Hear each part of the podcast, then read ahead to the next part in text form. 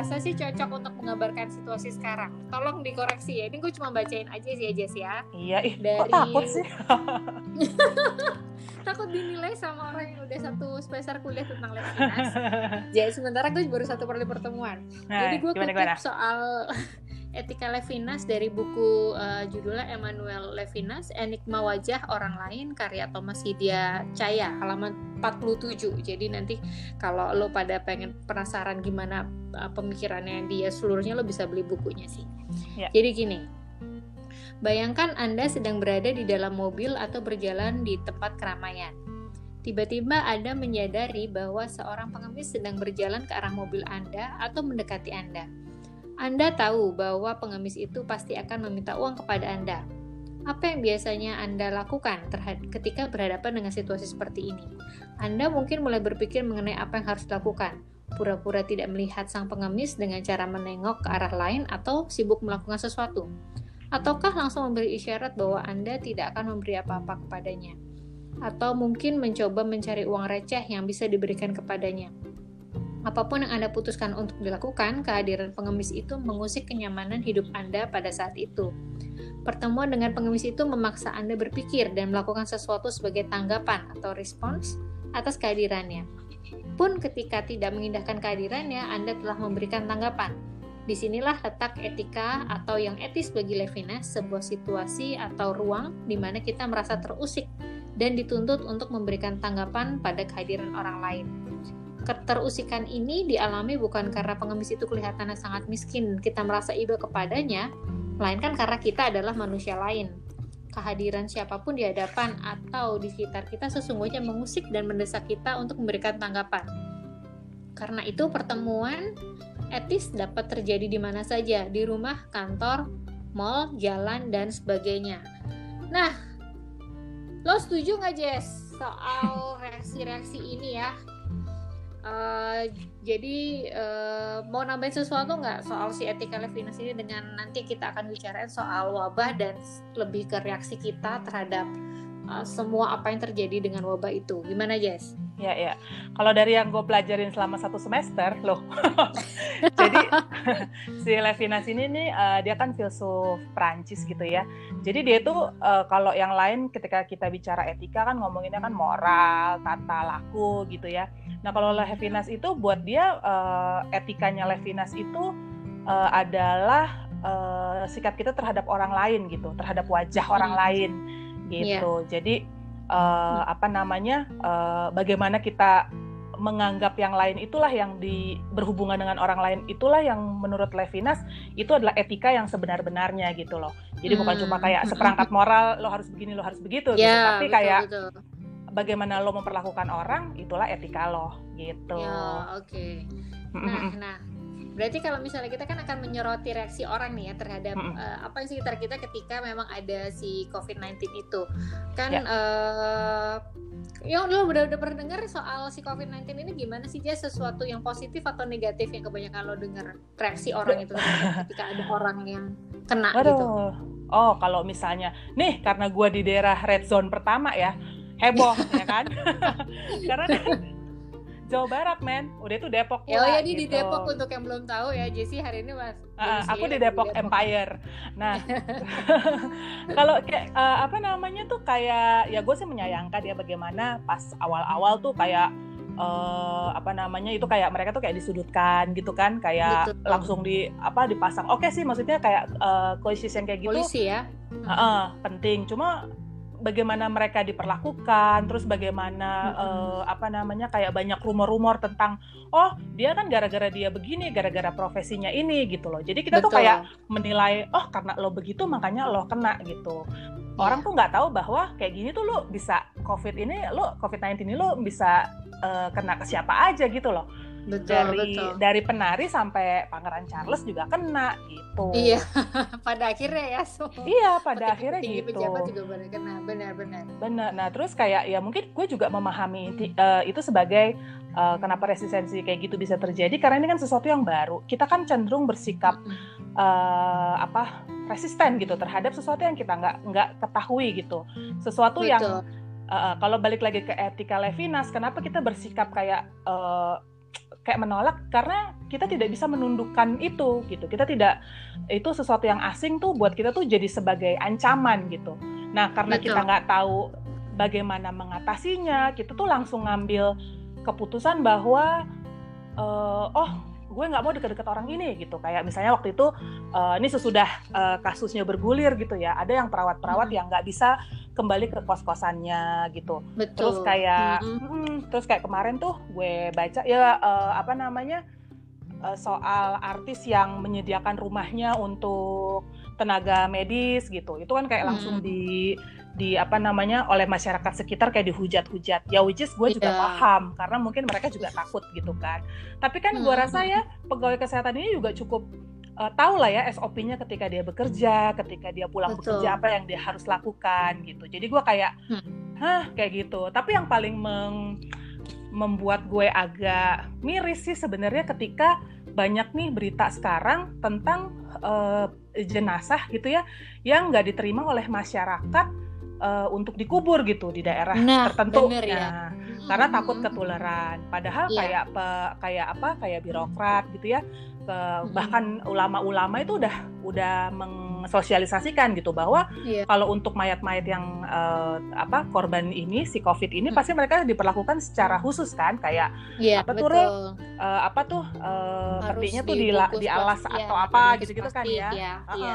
kemudian juga yang yang menguburkannya tuh juga pakai uh, baju khusus yang kayak gitu-gitu. Yeah, yeah. Nah, gue tuh nggak paham tuh itu letak kemanusiaannya di mana atau apa emang hati nurani kita pada dasarnya kita tuh memang membela diri kita sendiri gitu yeah, atau yeah. atau karena tidak tidak tidak mendapatkan info yang memadai gitu sampai yeah. mereka tuh jadi kayak panik gitu loh. Iya, gitu. iya, iya.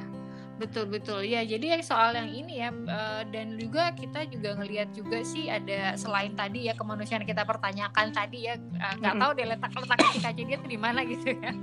Betul. Dan, kita juga sebenarnya juga melihat ada orang-orang yang berdampak langsung dengan adanya wabah ini kan. Ya uh, benar jelas banget ya kayak kemarin kan kalau selalu lo cerita um, ada abang ojek yang langganan lo ya akhirnya hmm. memang ceritanya tuh merih banget deh dan yeah, yeah, itu yeah. juga banyak lah ya dari mungkin sekitar kita juga masyarakat prasejahtera gitu kan oh yeah. gue kemarin juga uh, beli asinan lewat pinggir jalan dia juga langsung bilang aduh sepi banget nih Kenapa yeah. sepinya Pak? Iya karena kita udah nggak boleh kayak mangkal gitu nggak boleh kan. Terus iya, anak-anak sekolah juga udah ditangkap tangkapin sama satpol pp kan. harus harus apa namanya harus di rumah gitu. Di rumah, iya benar. turun banget deh, turunnya turun drastis banget deh. Iya. Nah kemudian kita kan dengan kemudian tantangan lagi nih ya buat kita ketika kita berhadapan dengan yang seperti itu hmm. ya kan dengan orang-orang yang kemudian secara tidak langsung terkena imbasnya gitu kan uh, reaksi kita akan gimana sih hmm. kalau gue lihat sih kayaknya reaksinya beberapa sih udah be positif ya Jess ya iya benar kayak misalnya ya kayak misalnya uh, apa sih yang pembagian jadi uh, beberapa orang ingin hmm. berbagi gitu ya uh, yeah. caranya dia mensponsori warteg tertentu ini juga terjadi nih di Depok hmm. wala Depok terus hmm. ini juga terjadi di Depok gitu ya jadi ada satu kayak lembaga yang biasa nyalur-nyalurin sumbangan gitu deh. Jadi dia tuh mensponsori warteg. Kemudian warteg itu memberikan makanan berapa ratus paket gitu ya buat uh, para ojol ini. Jadi kalau yeah, sisi yeah, yeah. apa sisi positifnya sih gue lihat ya wartegnya hidup, ya abang ojolnya hidup, ya ininya juga hidup apa namanya uh, providernya gitu tukang sayur dan segala macam yeah. yeah. gitu. Terus kayak kemarin tuh di Twitter sempet juga tuh ada gerakan uh, apa sih yang traktir abang ojol itu loh. Jadi lo pesen mm. terus kayak buat abang aja deh. ya? uh, oh, okay, atau juga kayak uh, apa namanya membelanjakan tuh uh, gomat dia beli rata-rata basic sih kayak misalnya beras yeah. minyak kemudian udah yeah. buat abang aja kayak gitu tuh sempat mm -hmm. rame juga tuh di twitter kayak gitu gue yeah. seneng sih yang ada kayak gitu gitunya gitu mm -hmm ya di uh, sekolah juga gitu ya alumni ya alumni SMP SMA universitas gitu ya uh, juga bikin hmm. beberapa gerakan juga gue juga mau cerita dikit kalau di SMA gue tuh ada angkatan gue sendiri udah hmm. bergerak gitu ya pokoknya ngumpulin dana kebetulan teman kita ada yang dokter dan emang perlu mereka juga udah punya kayak link lah rumah sakit mana aja sih yang uh, kurang apa yang perlu APD dan segala macam dan mereka support jadi uh, nyumbangnya dari situ oh. yang komunitas lebih gede lagi itu uh, hmm. di di SMA gue jadi bikin face shield oh, face shield okay. jadi kita uh, jadi itu uh, terserah siapa aja mau mau bikin berapa aja pokoknya targetnya ada sepuluh ribu uh, face shield nanti itu bisa nanti disumbangkan ke rumah sakit rumah sakit yang mereka memang membutuhkan yeah. kalau di uh, iya kemarin juga baru pesan gue share juga ya Jess ya kalau uh. di kampus kita dulu uh. kita kuliahnya di sastra nih di uh. UI itu memang Depok juga ya Bo Depok juga itu lebih gerakannya ke ini ya uh, nolong ini ya penjual iya. di kantin oh, karena mereka uh, mahasiswanya Otomatis pada libur ada iya nggak ada penghasilan oh, iya. sama kampus-kampus tuh gitu. libur loh Rul kayak iya bener, bener. udah bener-bener uh, apa uh, belajar online gitu kalau kayak kampus gue yeah. sendiri kita ya libur sampai akhir semester gitu padahal kita kayak baru hmm. ya elah baru 20% pertemuan lah lima kali pertemuan ya? gitu ya lima kali pertemuan saudara-saudara kebayang atau clueless. Untung udah Bisa, udah iya, udah oh, oh, untung udah masa-masa menulis tesis ya. Cuma kan tetap aja. Iya. Begitu. Kalau dari SMA gue sih ya gue iya. nggak tahu ya. gue bu bukan nah, di lingkungan gereja dan apa -apa. masjid gue rasa juga udah pada bikin ya gerakan-gerakan itu ya iya iya benar beberapa karena apalagi oh iya gereja sama masjid tuh juga terdampak juga ya karena kan gue gak tahu ya kalau hmm. yang di masjid ya kalau di gereja itu kan kita kan uh, dana gereja itu kan biasa didapatkan dari persembahan gitu kan tapi uh, yeah. uh, tapi ya itu bisa diakali sih dengan sistem transfer segala macem cuma hmm. Uh, ya ya pasti berdampak juga lah karena kan nggak semua orang bisa uh, apa namanya ibaratnya kan kalau ke gereja tinggal ngasih amplop gitu ya ke dalam kotak persembahan gitu. Yeah. Kalau ini kan kayak sedekahnya gitu, gitu, ya. gitu. Jadi ya gereja juga yeah, yeah. struggling. Tapi gue yakin sih ya kalau ke gereja gue ada sih kayak gitu-gitu tuh ada. Gitu. Ya, dan di gereja-gereja juga kalau itu juga mereka melakukan gerakan juga tuh untuk membagikan kayak makanan gitu, juga ngumpulin APD juga. Pokoknya sih kalau gue lihat emang komunitas kita tuh bergerak iya, semua ya. Yang di bawah-bawah uh, ini ya. Plat betul betul kalau di platform misalnya kita bisa.com juga kayaknya gue lihat banyak juga yeah. ya orang-orang yang bikin APD ya banyak kan ya rata-rata ya uh, uh, bikin APD apa hmm, yeah. desainer juga bikin jadi yeah. ya menurut gue sih ya itu juga tuh salah satu yang bikin gue agak ter, eh, terpaku mm -hmm. juga tuh ketika warga secara swadaya mau menjahit baju APD untuk disumbangkan ke rumah sakit. Yeah. Awalnya sih gue denger si Anne Avanti duluan mm. kan dia bilang uh, dan gue gak kebayang Anne Avanti kan dengan biasa bikin baju kebaya dengan kutur ha. gitu ke, yang butik yang terbatas ya penjahitnya, mm -hmm. kemudian dia malah pede untuk bikin APD dan akhirnya langkah itu diikutin oleh uh, beberapa orang ya, iya kan? Ya, tapi ya? gerakan ini kayaknya menular iya, ya. Tapi mungkin karena dia ini jangan-jangan dia terinspirasi dari Prada, Prada duluan loh. Oh gitu. jadi Prada, jadi Prada bikin gitu medical apa sih peralatan medical gitu. Oh, gitu. Iya, Bisa iya, juga.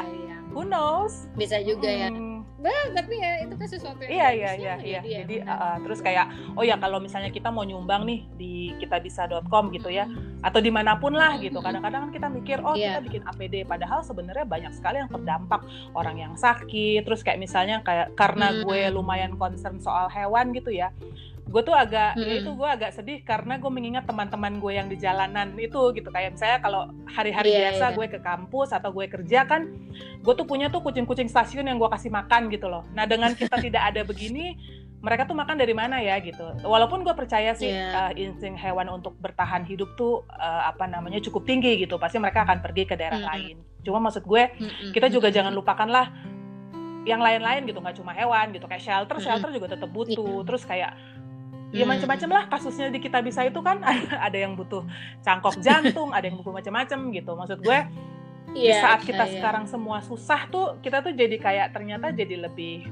um, sensitif gitu ya jadi lebih yeah, jadi ikut yeah. karena ikut merasakan bahwa oh ternyata gini ya rasanya susah lu punya duit juga nggak ada gunanya lu mau ngapain kalau lu nggak bantu kalau lu nggak mau nggak bantu lu cuma mikir yeah. diri lo sendiri buat hidup buat hidup tapi kalau ke depannya orang yang produce makanan lo udah nggak bisa gitu udah nggak ada gitu yeah. orang yang bisa bantu lo yeah, yeah. untuk sehat dokter dan tenaga kesehatan lainnya udah nggak ada lo mau ngapain hmm. supir lo, orang-orang yang ngurusin selama ini lo transport ke mana-kemana udah nggak ada, lo mau ngapain lo hidup sendiri di dunia ini?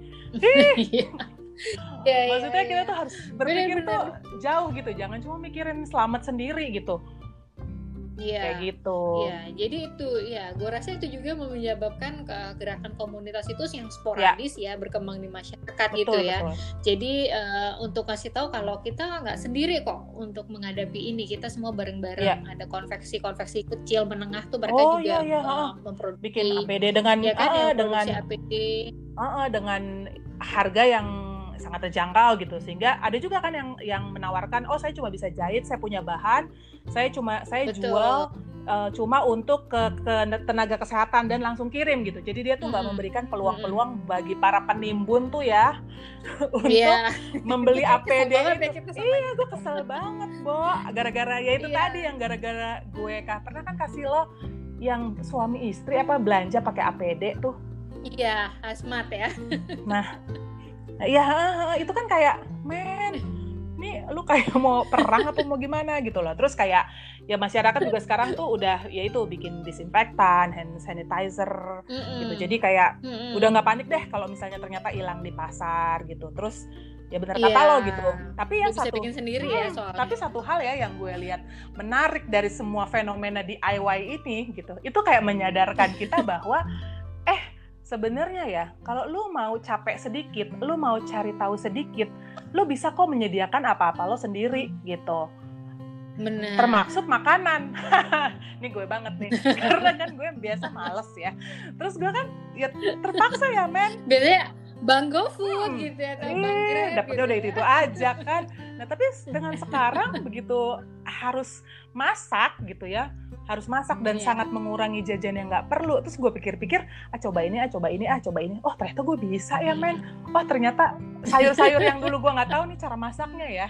Setelah gue lihat-lihat oh ternyata begini masaknya. Oh gue bisa gitu. Ya jadi ya itu tadi yeah. nilai apa eh, secara ini besarnya adalah ternyata kita bisa ya melakukan hal-hal yang tadinya kita pikir gak bisa kita lakukan gitu. Apa karena mm -hmm. apa karena kebanyakan di rumah juga ya gue nggak ngerti. Cuma ya kayak kira-kira kayak gitu. Itu salah satu uh, hasil yang positif sih gitu menurut gue. Iya iya iya. Nah mm -mm. terus Betul. menurut lo reaksi-reaksi lainnya gimana kalau gue ya reaksi-reaksi lainnya kalau yang positif-positif gue seneng lah. Pokoknya udah banyak yang itu. Tapi gue juga pas ada yang positif pasti ada yang ya. negatif ya, ya yang negatif ini sebenarnya yang juga mengganggu gue gitu. Hmm, hmm, hmm, karena misalnya dilihat kan uh, apa ya masih masih banyak oke okay lah memang Indonesia gue mesti kita mesti mengakui bahwa pemerintah memang um, cukup apa ya uh, tunggang langgang gitu Betul. gitu ya uh, ngelihat apa situasi hmm, ini kayak uh, uh, dulu ya. awalnya kan kayak ha Belanda masih jauh ini anak lama banget nih Belanda iya. ya kan oh, Belanda masih jauh Udah deket bener nih gitu iya masih jauh oh kita nih kuat loh kita dari yeah. kecil begini begini yeah. gitu tanpa bersiap-siap ya kan betul betul dan gue sih nggak sukanya memang sih tapi uh, kan sekarang mulai perlahan-lahan tuh juga pemerintah udah mulai kelihatan lah ya arahnya kenapa sih mengambil kebijakan ini bukan itu misalnya gitu yeah. tapi gue sih memang berusaha sekali balik lagi untuk supaya jiwa gue tetap sehat ya gue tetap sebel sih sama ada netizen julid yeah. gitu ya atau influencer atau buzzer gitu hmm. yang selalu mengkritik uh, pemerintah tapi sebenarnya mereka tuh nggak kasih solusi selain mengkritik oh, banget apa ya menghina-hina yeah. gitu loh itu kan kalau misalnya kita melihat ke situ gitu ya nggak usah jojo tadi tuh misalnya kan udah mulai sekarang kan WHO kemudian menganjurkan kita harus semua pakai masker kan walaupun sebelumnya kan emang hanya untuk orang sehat tapi kan pun maskernya pun boleh masker kain sebenarnya yeah. Terus gue iseng lah ya, gue sebenarnya jarang banget ngeliat komen-komen kalau ada berita ngeliat komen di bawah tuh gue jarang, tapi gue kepengen lihat nih. Yeah. Ini salah satu juga kayaknya. Enggak, ini benar yeah. efek stay at home for too long. Iya kan. Nah, begitu dilihat itu memang selalu ada orang yang kemudian berkeluh kesah. Dia bilang gini, oke okay, Pak, eh, emang kenapa sih Bapak nggak pikirin aja kalau misalnya mesti beli masker kain itu harganya berapa? Saya anggotanya enam orang. Jadi misalnya harga satu masker kain adalah sepuluh ribu, berarti kan kita harus beli dua, dua puluh ribu gini gini gini. Terus gue sih batinnya gini, po.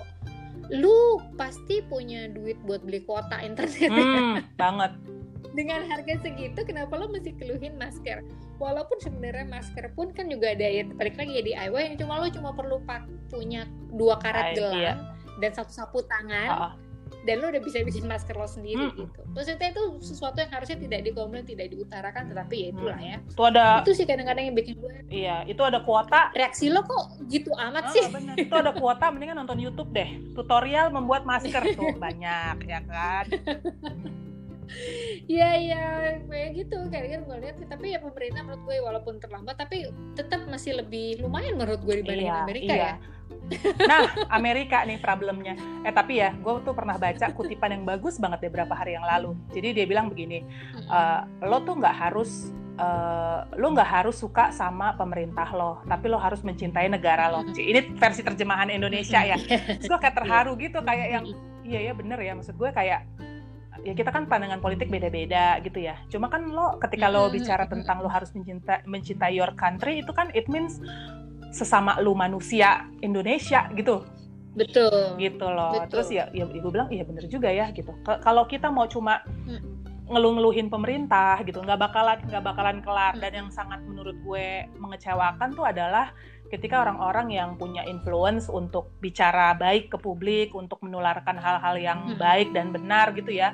Bahkan influencer Iya. yang menurut gue tadinya oke gitu ya, yang cukup mencerahkan Hmm. tuh ya ternyata segitu doang gitu. Maksud gue kayak ya buntut-buntutnya Kelihatan aslinya iya, kemudian ya. iya, gitu loh. Oh bahkan juga pernah nih waktu awal-awal panic buy- buying gitu ya, ada satu selebgram. Hmm.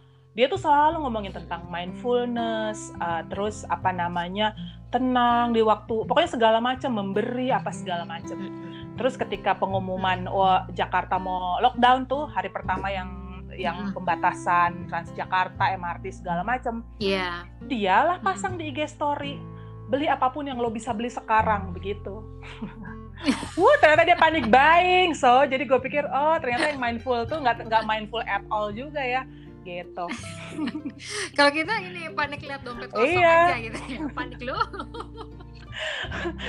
Karena ya nggak mungkin gitu, maksudnya kita harus berpikir bahwa ya ekonomi akan terus mungkin melambat gitu ya. Cuma kan selalu akan ada orang Iya. yang provide kalau kalau kita juga berusaha menjalankan eh, itu gitu. Nggak Iya, cuma iya, koar-koar gitu. Kadang-kadang gue kepengen nyolek, eh Hmm.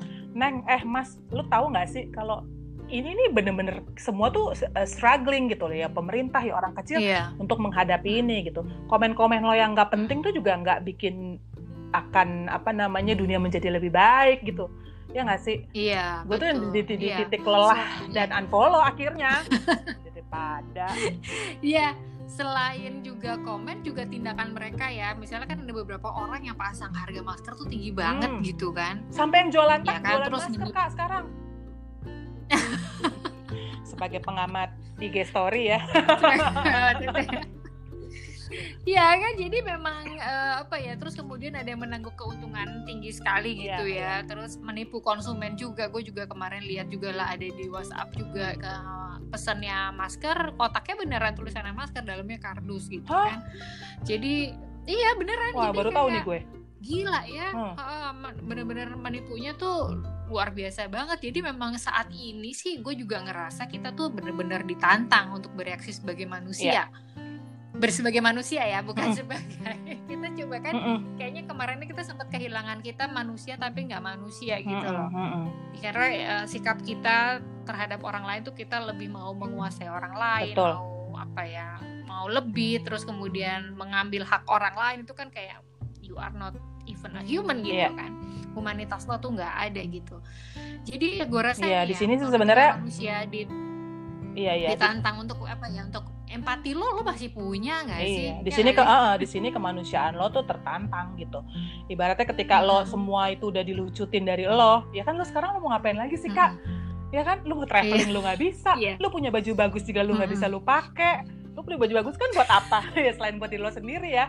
Maksud gue, ya lo punya tas 10 juga ya lo nggak mungkin lo pakai secara lo di rumah doang. betul Kayak gitu. betul Nah, betul Ketika semua itu Iya. udah dilucutin, semua XX itu udah dilucutin, kan yang tinggal apa sih? Ya tinggal ini lo sendiri gitu loh, tinggal moral lo sendiri, tinggal pribadi lo sendiri Hmm. gitu.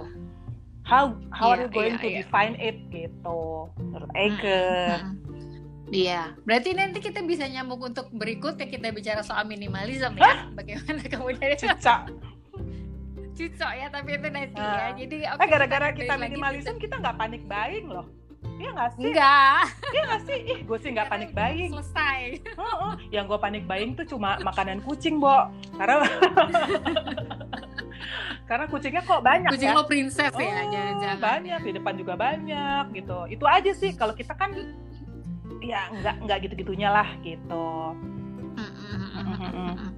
Jadi memang ya di tengah ketidaksiapan Indonesia itu, tapi gue, gue rasa lebih siap nggak Amerika, lebih nggak siap Amerika Betul. ya. Udah dengar belum ada berita soal dia ngebajak masker Siapa nih? pengirimannya Amerika? Gosipnya Oh, kalau kalau di sini tuh kalau di sini tuh levelnya ini tau nggak kemarin tuh ada juga tuh berita eh, tenaga kesehatan nyolong masker di rumah sakitnya Mm-mm. sendiri ya ketahuan lah ya same energy kali ya sama cerita lainnya. Iya kalau ini tuh karena dia tuh eh, jadi eh, harusnya tuh kiriman dari masker dari Cina harusnya pergi ke sampai sampai Perancis sampai Kanada di stop tuh katanya Nah, sama Amerika. Nah loh, gua ngerti deh. itu kan udah kebayang ya mungkin bisa jadi karena mereka itu apa ya? eh, apakah apakah karena mereka udah langsung sangat patuh lockdown jadi nggak bisa ngapa-ngapain? Sementara Indonesia kan selalu memiliki celah ya kalau menurut gue kreativitas kemudian mencari yaitu celah dan dan kepedulian antar masyarakat sendiri sangat tinggi kan makanya mereka Hmm. kemudian bisa bergerak sendiri gitu ya walaupun Ya. mungkin ini juga sih menurut gue sebabnya kenapa pemerintah nggak melakukan total lockdown gitu ya karena eh, gue ngerasa masyarakat eh, bawah, menengah bawah ini mereka bergerak dengan cara mereka sendiri sehingga kemudian roda perekonomiannya ekonominya tetap juga jalan berputar ya iya benar Nah, kalau balik ke Amerika sih ya menurut gue tuh ya karena Mm-mm. mereka tuh kayak awal-awal gitu kayak ngerasa ini kritik gue terhadap Amerika ya, Cil. Kalau siapa? Enggak maksud gue kayak mereka itu kan selalu menganggap mereka tuh selalu benar gitu ya. Mereka punya teknologi, mereka punya s- Iya. apa sistem yang oke gitu.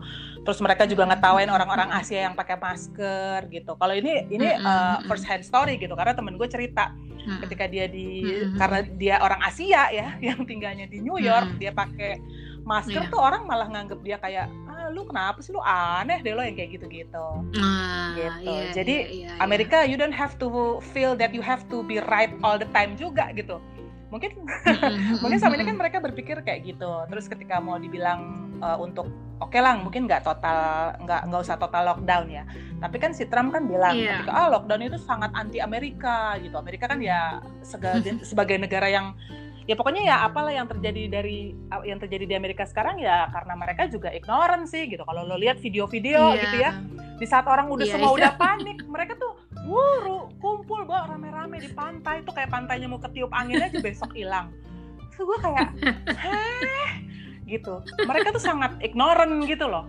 jadi gue Iya. pikir-pikir terus sampai bahkan gue baca ya di berita sampai petugas kesehatannya tuh nangis-nangis ya mungkin eh, similar sama di sini tapi kan kita gerak-gerak cepet ya Iya. kita gerak cepet Iya, mereka iya. tuh petugasnya Iya. tuh cuma dimodalin masker mereka yang udah berapa hari mereka pakai gitu Oh, ya udah lo iya. harus pegang nah akhirnya si suster ini sambil nangis-nangis dia memutuskan dia untuk resign karena dia punya anak kecil di rumah Hmm. yang kayak Hmm, kayak hmm, gitu-gitu hmm, hmm. gitu jadi kalau misalnya kita bilang bahwa oh pemerintah nggak siap pemerintah tuh eh, apa eh, cuek nggak juga gitu lo mesti Hmm. lihat we're fighting the same thing gitu all over the world gitu. Jadi betul. jadi ya Iya.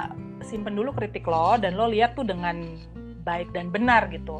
Bahwa kita tuh kita bergerak kok gitu. Kalau terasa lamban ya ya memang ini kan sesuatu yang shocking gitu kan. Dan ini mempengaruhi betul. ini kan mendunia gitu ya kan.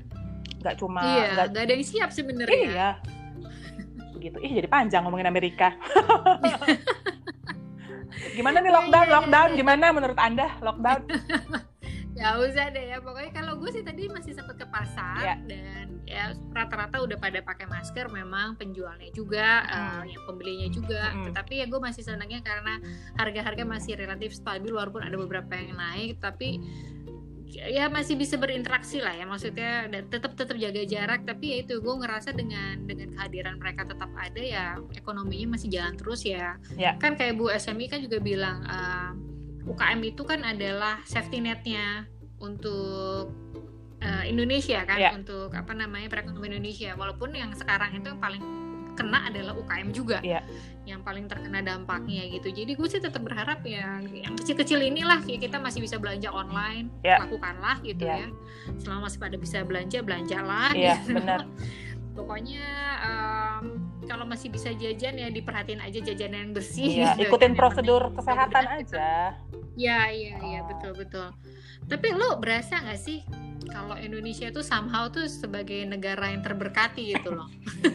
Ya iyalah lo katanya juga lo lempar jadi, kayu jadi tanaman. Eh apa sih tuh lagu apa? Iya. Lagu Kus Plus ya. Kus Plus. Jadi walaupun kadang-kadang gue ngerasa ya banyak banget netizen julid dan gak tau terima kasih gitu hmm. tapi Indonesia tuh masih tetap berdiri. Eksis gitu ya masih tetap ada sih tetap teguh tegak berdiri hmm. gitu. Kalau gue sih yakin tuh karena memang ada orang-orang yang mau ya itu tadi gitu loh orang-orang yang mau berbuat lebih orang-orang yang mau melangkah lebih jauh nggak yang selalu nyalahin pemerintah gitu. Kayak temen-temen yeah. gue tuh ada ya beberapa yang di rumah aja gitu ya karena karena memang hmm. harus work from home gitu jadi mereka ibu-ibu PKK-nya tuh dan gue surprise loh tuh ibu-ibu PKK masih jalan ya ternyata masih Soalnya di komplek gue nggak ada bu ibu PKK nah hmm. ibu PKK itu membuat uh, apa namanya ma apa sih uh, eh, APD yang pakai plastik itu loh dengan mengikuti oh, uh, yeah. tutorial. YouTube hmm. gitu ya terus kayak mereka bikin untuk puskesmas puskesmas yang nggak diperhatiin oh, gitu okay. gitu mereka juga iya, kasih yeah, ke yeah, mini yeah. apa minimart minimart gitu hmm. gitu jadi gue ngelihat kayak oh ternyata orang-orang di bawah ini bergerak kok kita kita melakukan apa hmm. yang kita bisa gitu Betul. Bahkan sesederhana gini deh, kalau mau nolong orang ya, terus lo gak usah jauh-jauh, ya lo tipping lebih lah buat ojek lo gitu. Iya. Karena mereka nurun drastis banget gitu. Karena gue punya dua iya, dua temen ojek kan yang sering hmm. gue mintain tolong gitu. Dan gue denger kisah mereka bisa sehari sama nggak ada sama sekali gitu-gitu. Nah gue juga dapet cerita tuh dari mereka tentang mereka tuh pesen beli apa tuh beli disuruh beli beras atau apa segala oh, macam oh. akhirnya buat mereka sendiri gitu. Nah itu oh, juga gue jadi terharu gitu bahwa oh ternyata iya, iya, iya. Dika, dikala kita susah pun kita nggak boleh kehilangan kebaikan kita gitu. Iya jadi memang ini ya kita tuh memang bangsa pejuang ya berjuang terus pokoknya Betul. dan berjuang bersama sampai wabah ini berakhir maksudnya iya tapi ini ya udah pasti ya tidak hmm. sangat sangat tidak mudah ya oh ya pasti tapi harus diingat bahwa ya kan? sejarah kan mencatat ya wabah tuh pasti berakhir hmm. perang tuh pasti berakhir ya hidup Betul. hidup manusia aja berakhir ya pokoknya antara lu kan bukan. Ini ya nggak nggak nggak abadi gitu kan ya iya jadi lo kita tuh kayak aduh ketakutan ketakutan yang nggak perlu. Maksudnya gini waspada boleh ya uh, memenuhi segala ini kesehatan boleh. Lu tiba-tiba yang jadi minum jamu tiba-tiba jadi rajin berjemur oke okay, monggo sok silahkan. Cuma juga jangan kayak ya kayak orang yang panik bahwa lo akan nanti kalau gue gini gimana? Kalau gue gitu gimana? Ya enggak kalau lu udah hidup sesuai dengan prosedur uh, kesehatan ya udah gitu loh ya God will do the rest Betul. atau siapa pun yeah. di belakang di, di seberang sana will do the rest for you gitu iya yeah. jangan lupa imanmu ya iya gitu Iya benar-benar. Jadi memang akan buat teman-teman yang mungkin punya saham, mungkin sekarang lagi tutup mata nggak mau ngeliat ya. ya. Jangan dilihat, jangan dilihat. Nggak usah dilihat dulu. Uh, terus ya masih ya ekonomi di depan sana kayaknya masih burem banget ya. ya. Masih. Yang potong, yang dipotong ya, gaji. Kita juga berasa lah ya. ya. ya. eh banyak loh Sebagai ternyata pelaku UKM juga kayaknya karena kata iya iya iya iya juga kami juga uh, tetap berjuang di tengah semua ini kita juga sadar banget semuanya sedang lagi pada tiarap gitu ya iya. jadi yeah. ya memang salah satu hal yang kita bisa lakukan adalah uh, selalu harus punya daya juang mungkin tiga kali empat kali lebih lebih keras daripada sebelumnya gitu betul, kan betul iya kan dan Have. ya ini ya ini memang berat tapi ya kita kan ya tetap dijalanin ya. iya tetap dijalanin terus punya iman terus percaya aja gitu. Kalau nggak punya iman ya belajar sejarah aja bahwa segala sesuatu tuh ya misalnya kan nggak punya iman ya ya nggak apa-apa. Tapi belajar aja bahwa sejarah menunjukkan segala sesuatu tuh pasti berakhir kok gitu loh. Segala wabah dari zaman dulu kan berakhir juga ya kan kak? Berdasarkan berakhir. penonton iyo, iyo, iyo. tontonan film anda tentang pandemik ya kan? Segala sesuatu tuh pasti ada ininya gitu iya pasti berakhir nanti berulang lagi nggak tahu kapan gitu. Iya. tinggal ya udahlah tinggal berlomba-lomba aja teknologi akan bikinnya apa akan bikin vaksinnya. Ya yang gue nonton di pandemi kan baru selesai di 2025 vaksinnya. Tapi Oh. pada si satu produsen itu gue nggak tahu yang produsen sekarang apakah bisa bikin dipercepat atau gimana gitu. Jadi itu ya Jess ya gue rasa juga em, di tengah keterbatasan kita kita masih sebaiknya kita bisa masih bantu orang lain yang Betul. lebih berkekurangan dari kita ya. Oke, jadi eh, sekian dulu untuk hari ini. Eh, nanti walaupun masih physical distancing masih jauh antara Jakarta Pusat dan Depok, tapi kepengennya kita akan terus hadir untuk memberikan ya semangat dan mungkin insight-insight baru ya. Ya.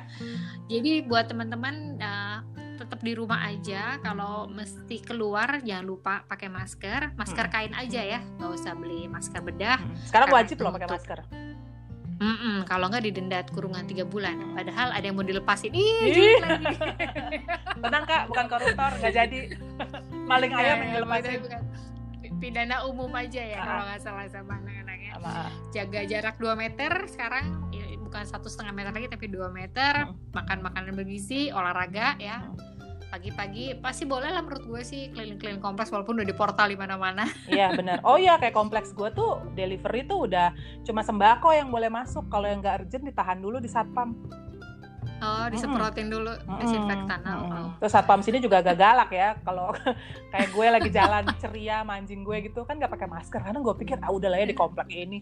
Iya. Diteriakin kan, bu pakai masker. Oke baik. Aduh, berarti mulai besok gue jalan pagi masih pakai masker mana mana enak ya udara Oh, pagi sesek harus kan? dinikmati. Sesek. Iya iya sama sering-sering cuci tangan pakai sabun aja ya. Iya. Karena kita di rumah ini Oh, nggak oh, observasi usah. dulu, Oh, oh. kecuali masih pergi dan tetap sehat untuk Betul. kita semua. Oke, thank you. Ya. Sampai ketemu lagi. Bye. Bye.